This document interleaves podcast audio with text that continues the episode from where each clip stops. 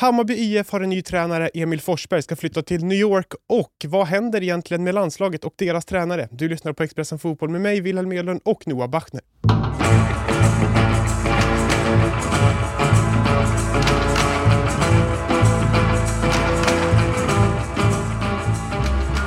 Noah, sist vi stod här och pratade så frågade jag dig vilken koncern du helst skulle tillhöra och du svarade Red Bull. Så är du har en svensk spelare som tillhör Red Bull och går från Leipzig till New York Red Bull. Har jag sagt att jag gärna vill tillhöra Red Nej, Bull? det sa du inte. Jag Nej. tvingade dig att välja en och då Ja, sa du att du ville ja, flytta okej. till eh, Brasilien-laget där. Jaha, okej. Mm. Var det så? Eh, Så vill jag minnas att det var. så det blev det inte för Emil Forsberg då, men det kanske inte är Nej. slut på hans eh, odyssé genom Red Bull-koncernen bara för att han landar i New York nu då? Nej, för han är ju en ganska speciell spelare på så vis att han har tillhört Red, eller ja, att tillhöra en klubb i, i liksom sin karriär, det har ju flera gjort. Mm. Men att sen liksom ägna sin karriär åt just ägandeskapet Red Bull och nu gå från det ena till det andra. Det kanske är någonting vi kommer få se mycket mer av i framtiden tänker jag. Ja, det tror jag. Eh, men han, eh, det känns ju väldigt föga förvånande att det blir så här för honom. Han, det känns som att hans tid för en flytt till en större europeisk klubb har passerat och även om han gjorde mål nu för eh, Red Bull Leipzig i Champions League här, eh, avgjorde väl till och med, eh, så har det ju varit lite mindre med speltid för honom de senaste åren egentligen. Så att han, att han flyttar vidare är inte så oväntat. Att det skulle bli en flytt till antingen Mellanöstern eller USA var inte heller så oväntat för där kan man ju fortfarande få stora kontrakt och det är väl det han verkar få nu i, i New York Red Bull. Kul stad att bo i. Men om vi tittar på hans status rent internationellt nu då, vart står Emil Forsberg? I Sverige tänker vi på honom som en stor spelare, i landslaget presterar han så gott som alltid. Hur bra är han? Ja, nej, men det, är väl, det är ju en spelare som har passerat sin peak, får man väl ändå vara eh, villig att säga. Eh, sen så har han ju fortfarande en sån förmåga att han har varit viktig för landslaget. Och det är även in i den här tiden ofta den spelare som oftast presterar i landslaget tycker jag. Eh, eh, oavsett hans klubblagsform. Så att, tillsammans med Robin Olsen kanske. Så att, eh, med svenska mått mätt är han ju en väldigt bra spelare. Men eh, den internationella aktien, hur attraktiv han är för den, på den europeiska klubblagsmarknaden så har ju den sjunkit betänkligt de senaste åren. Vem kommer sälja flest tröjor, Messi eller Forsberg? Nummer 10 båda två. Eh, DeAndre Jedlin tror jag. Ah, okay. Mm. Han nummer 10 han också. Nej, han är högerback i Han har Miami. spelat i Newcastle. är Han har spelat i Newcastle. Ja. en annan spelare som kanske kommer röra på sig det är Häckens Momodou Sonko. Vi har haft uppgifter då på att han eh, scoutas av stora klubbar och det är inte jätteförvånande. Det snackas om Liverpool, Leipzig där också, Barcelona exempelvis. Liverpool var och tittade på honom igår, då klev han av skadad. Vad händer med Momodou Sonko nu? Ja, jag tror inte att Liverpools liksom, intresse för honom står och faller med hur han presterade mot Karabach i den här matchen. Men det är klart att eh, en skada här och nu kanske inte var jättetajmat om det var så att tanken var att han skulle flytta i januari.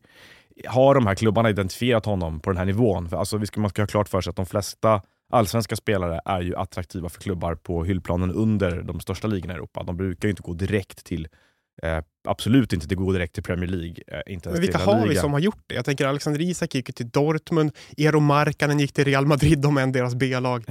ja, han var väl kanske inte symptomatisk för det. Det var ju någon sorts annan eh, idé där. Eh, Jag ville bara nej, få det men, sagt. nej, men jag, jag tänker att de unga spelarna som har gått de senaste åren så har ju Mattias Svanberg gick till Serie A Serie A är ju inte La Liga eller Premier League eller Bundesliga. Och Premier League är ju en klass för sig. Jag menar, går man direkt dit så är det någonting alldeles extra. Ja, och Eh. att gå till en Serie A-klubb är inte samma sak som att gå till Barcelona eller Liverpool Nej, som är en nej, av det de absolut Det är en helt egen kategori klubbar.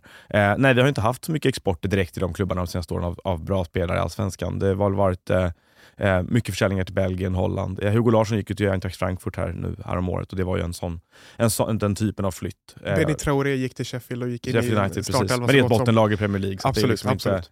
Eh, nej, inte, inte jättemånga försäljningar till de här eh, elitklubbarna. Och Det man kan tänka på där då är väl att, eh, vad vad vi har förstått lite grann på de här uppgifterna om Sonko, är att de här klubbarna har tittat på honom och, och framförallt använt honom i olika dataverktyg och, och eh, analysverktyg och sett att han, de tror att han skulle kunna få utslag i de största ligorna redan nu för att han är så pass talangfull. Och Det är ju ganska eh, anmärkningsvärt får man säga. Jag antar att de har mer avancerade verktyg än det jag kommer presentera, men jag hoppas att de har satt honom i football manager i Liverpool och bara liksom simulerat 15 år framåt och sett hur det har gått. Spelat 100 säsonger Exakt om, om och om igen och se. Och han snittar fem mål. Så att han. Mm. Efter 30 år tog han över klubben som tränare också och vann 20 ligatitlar. Det är därför de vill ha honom. The Mamadou Sonko Stadium byggs. Tar in 500 000 åskådare. Mm. Men eh, jag menar, varför går Är det farligt för en ung spelare att gå till en så stor klubb? Tänker? Alexander Isak lyckades ju inte i Dortmund, men hur, hur ska man tänka som spelare? Det Ehm. han går ju inte in i startelva i Liverpool, tänker jag, eller Barcelona heller. Eller gör han det? Eh, nej, det tror jag inte någon av de klubbarna att han gör. Eh, nej, jag, jag, vet inte. Det är ju liksom, en sak med de här klubbarna är att de brukar ha system, lånesystem för de här spelarna. Dels så är det flera av dem som har samarbetsklubbar som de kan forslas vidare till. Sen kanske inte det alltid är den bästa vägen att gå heller. Att ha tillhört de här klubbarna och blivit köpt av dem en gång är en bra grej för CV, för karriären framöver. Att man är en för detta Liverpool-spelare är ju liksom Eh, stort vad man än tar vägen därefter. Eh, så att på så sätt så kan det finnas en långsiktig vinning i att tillhöra dem. Eh, men vill man titta på någon sorts utvecklingsbana för sig själv så tänker jag att alltså, det beror på. Häcken verkar kunna få ganska stora pengar för honom här nu. Så pass stora som man kan förvänta sig egentligen. Så det är väl lite sådär att man i normala fall hade man velat se att de förlängde med honom om han spelade ett eller två år till där för han är så pass ung. Men är det så att det redan är pengar på runt 100 miljoner för honom så är det klart att det är svårt för dem att motivera att man inte skulle ta det. Så de kan dessutom säkert få vidareförsäljningsklausuler. Jag brukar ju rent generellt tänka vara att just de här ligorna som, har, som satsar mycket på unga spelare och ger unga spelare mycket speltid, där det finns en dokumenterad historia av att spelarna sen tar klivet till de största ligorna, det vill säga då Holland, kanske Belgien, eh, faktiskt den danska ligan numera också. Eh, att de ligorna är ganska bra att landa in i eh, som mellansteg och att man därefter eh, går vidare till de stora ligorna. Välkommen till Coolbet där spänningen aldrig tar slut och underhållningen står i centrum. Här får du inte bara Sveriges bästa fotbollsodds. Du får också en spelupplevelse som är rättvis, transparent och framförallt rolig. För oss handlar det om mer än bara spel. Det handlar om att ta en paus, att våga chansa och att kanske vinna stort. Det oväntade gör varje ögonblick unikt. För dig över 18 år, stödlinjen.se.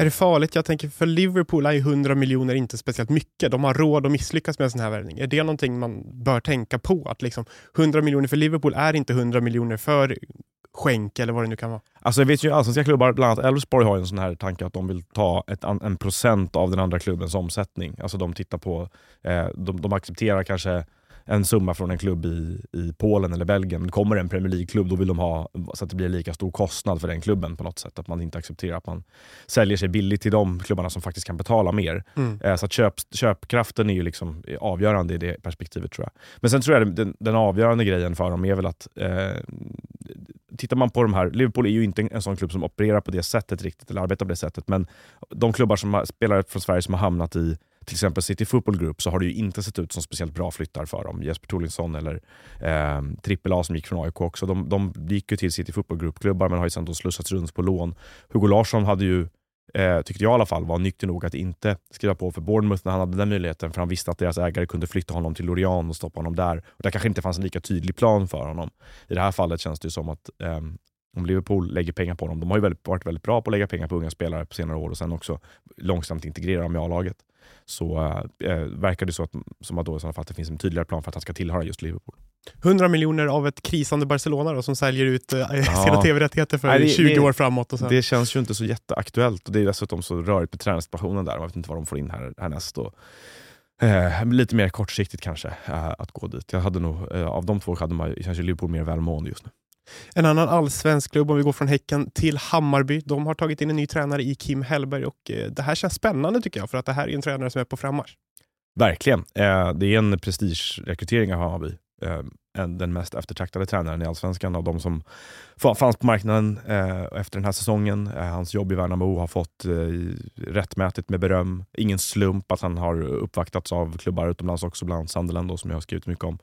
Eh, så att, eh, en, en, en, perfekt rekrytering för Hammarby i det skedet de är också. Man får väl se det som att han fullbordar en omställning för dem lite grann nu, där den här eran då som ja, men Jesper Jansson och, och, Stefan Billborn blev en sorts duo från början. Eh, från det att de eh, gjorde sig av med Jakob Mikkelsen till, eh, och sen så då ersattes ju Billborn av, av eh, Milos Milojevic och sen Cifuentes så är det som att man drar ett streck här lite grann i en ny sportslig ledning och nu har de även en ny tränare som känns som att han sitter ihop mer med, med strategin som de har Hammarby där de ju vill eh, ge mer speltid till unga spelare, försöka vara mer utvecklingsorienterade. Och, och han har ju dokumenterat eh, liksom bra förmåga att bygga anfallsspel, dominant spel eh, och, och, använda sig av unga spelare. Så att, eh, jag tror att Hellberg är perfekt för honom. Man snackar om Hellberg som en tränare som är jätteduktig på att få igång anfallare just. Och där har de Dennis Gyl som har varit, gjorde några matcher på slutet och visat att han är en stor talang. De har Erabi som, vi får se nu om han förlänger kontraktet eller vad som händer med honom. Men det känns som att det är en tränare man kan tjäna pengar på att han utvecklar spelare, förstår jag tänker?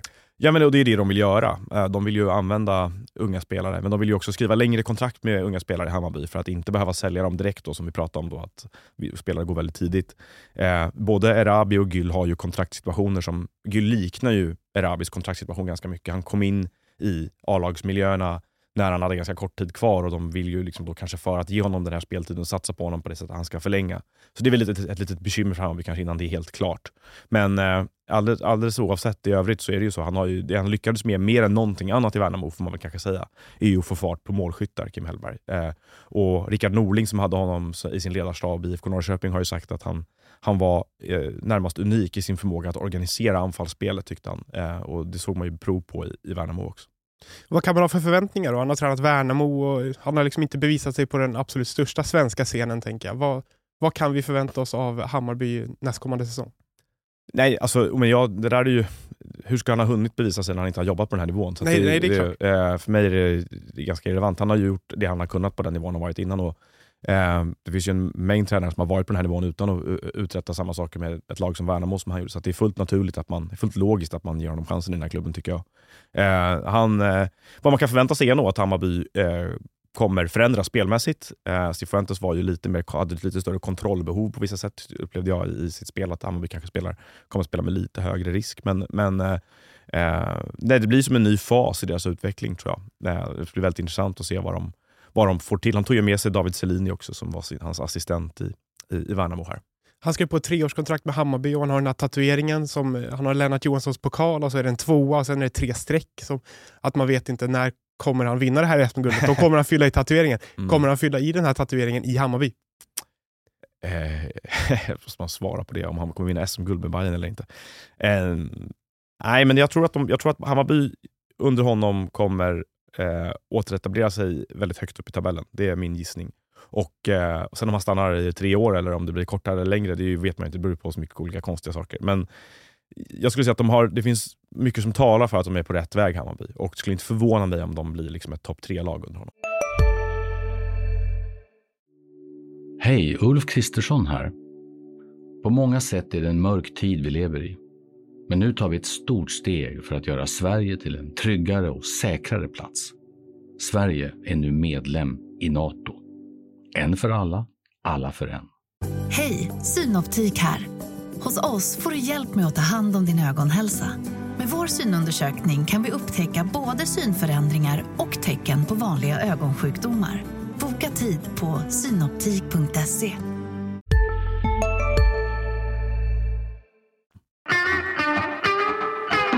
Kim Hellberg var väl kanske inte det främsta namnet till förbundskaptensposten men han var i alla fall med på någon sorts lista antar jag.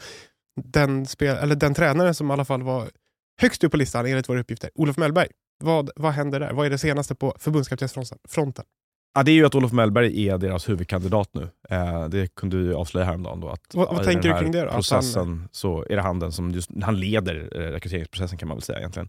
Nej, jag tänker att det är inte så förvånande. Eh, dels eftersom man tittar på vad Andrea Möllerberg som är generalsekreterare har sagt att hon ville ha i förbundskapten. Då var hon ute efter en matchcoach och han är ju väldigt matchorienterad, matchfokuserad. Liksom, eh, inte lika mycket ideologisk, inte lika mycket processtränare, utan han känns väldigt sådär taktiskt inne i varje match och letar efter luckor i motståndarnas spel och försöker förstärka sitt eget lags styrkor så i, i, i stunden. Eh, han har ju den här internationella erfarenheten. De pratar väldigt mycket om att de vill eh, fånga upp och tillvarata spelares erfarenhet av landslag och internationella sammanhang. Kim Källström som är en vän till honom och eh, som dessutom hyllade honom som tränare ganska mycket när han själv tillträdde som fotbollschef på förbundet nu, är väl ytterligare en sån grej som talar för honom. Eh, en annan grej är väl att han eh, eh ska vara intresserad själv. Så att jag, tror att, jag tror att han har legat bra till av de skälen också. Och eh, Nu verkar de ha haft ett eller två möten här där, där väldigt många upp, uppgifter vi får till oss i alla fall säger att eh, Mellberg är, är huvudkandidat. Janne Andersson hade ju ingen framgångsrik spelarkarriär, får man säga. I alla fall inte någonting som spelarna i landslaget hade koll på när han tillträdde. Men Olof Mellberg har ju varit en kugge i landslaget under flera år och jag tänker att hur viktigt är det, tror du, i ett landslag att man har en respekt hos spelarna som spelare också? Man snackar mycket om det med just Zidane i Real Madrid exempelvis, att spelaren hade en jätterespekt för honom för att han var den han var på planen också. Mm. Jag tror det kan vara en, en fördel och så kan det vara helt betydelselöst. Alltså jag tror att det har, har att göra med, det kan säkert förstärka om man är en skicklig fotbollstränare också. Och det kan ge en lite enklare introduktion i grupp, sådär säkert. Men att det, det finns ju massor med duktiga tränare som inte har haft, haft eh, karriär på den nivån och som ändå vinner stor respekt i omklädningsrum. Liksom, jag tror att om du frågar spelarna i, i, Liverpool så har de stor respekt för Jürgen Klopp, inte på grund av vem han var när han var ytterback i Mainz, utan att han, var, att han har förtjänat den i, i tränaryrket. Men Mellberg, i det här sammanhanget då med landslaget man träffas under kortare perioder och så vidare, så kan jag verkligen tänka mig att hans auktoritet och egna erfarenheter kan väga tungt för att starta med en sorts förtroendekapital hos spelarna, eh, utan tvekan. Andreas Engelmark var ju hans eh, högra hand, eller vem som var vems höger hand, det råder väl kanske Nej. delade meningar om. Men vad, vad händer i BP nu då? Engelmark har också ryktats i andra klubbar. Ja, nej, det återstår att se. Det här måste bli klart först innan, vi, innan man kan börja spekulera i det. Men eh, för BP är ju medvetna om att det här pågår, som jag förstår det. Alltså de, att, att, han, att Mellberg har varit intervjuad såklart. Och sådär. Så att jag gissar att de har en backup-plan. Men Engelmark är ju kvar. Alltså han har ju inte lämnat BP. Så att det, de, har väl, de har ju en av två i sådana fall som inte går till landslaget av, av vad det verkar. Men det har ju snackats mycket om att ifall att Mellberg ska ta över landslaget tillsammans med någon annan eller sådär. Tror mm. att Engelmark skulle kunna vara någon landslaget kan ta in tillsammans. Att de tar in båda två så som det har varit i BP. Alltså det det pratas om från förbundets sida är ju att de vill ha att delade ledarskap är högaktuellt. Och eh, tittar man hur Mellberg har velat ha det med sina medieuppdrag när han har varit i, i BP, så har han ju velat ha någon annan som kan fronta det mer. Mm. Om det skulle vara Engelmark, det, det, har jag inte hört någonting om. Alltså Engelmark har faktiskt inte nämnts alls i, i landslagsdiskussionerna. Utan tvärtom så har det ju pratat om ja, Tony Gustafsson som jag har skrivit som, som Aftonbladet har rapporterat om, bland annat att han har gjort intervjuer hos förbundet eh, är ju ett namn som figurerar och det är väl inte otänkbart att han skulle kunna paras ihop med Mellberg, vad jag förstår det. Eh, samtidigt så känns det också som en lite oväntad eh, ihopmatchning, där ju andra uppgifter talar om att man har, eh, när man har tagit referenser på Mellberg, eh, lyft Henrik Larssons namn som assistent till Mellberg. Så att, att han ska ha någon med sig känns ganska givet, därför att jag tror att han, ett krav han kommer ha, eller ett önskemål han kommer ha, är att inte behöva göra all media som, som eh, som en, en enskild förbundskapten behöver göra i vanliga fall, utan att den uppgiften kanske tillfaller någon annan. Du är inte sugen att kliva in som medieperson åt uh, Olof Mellberg? Nej, och inte förbundskapten heller. Inte? Nej. Känner du dig kvalificerad? Nej. Varför? Vad saknar du? Eh, spelarkarriären. Ja, det är spelarkarriären. Mm. Ja, jag visste. Expressen Fotboll tillbaka på uh, måndag. Så blir det. Kul. Vi hörs nästa gång. Ja.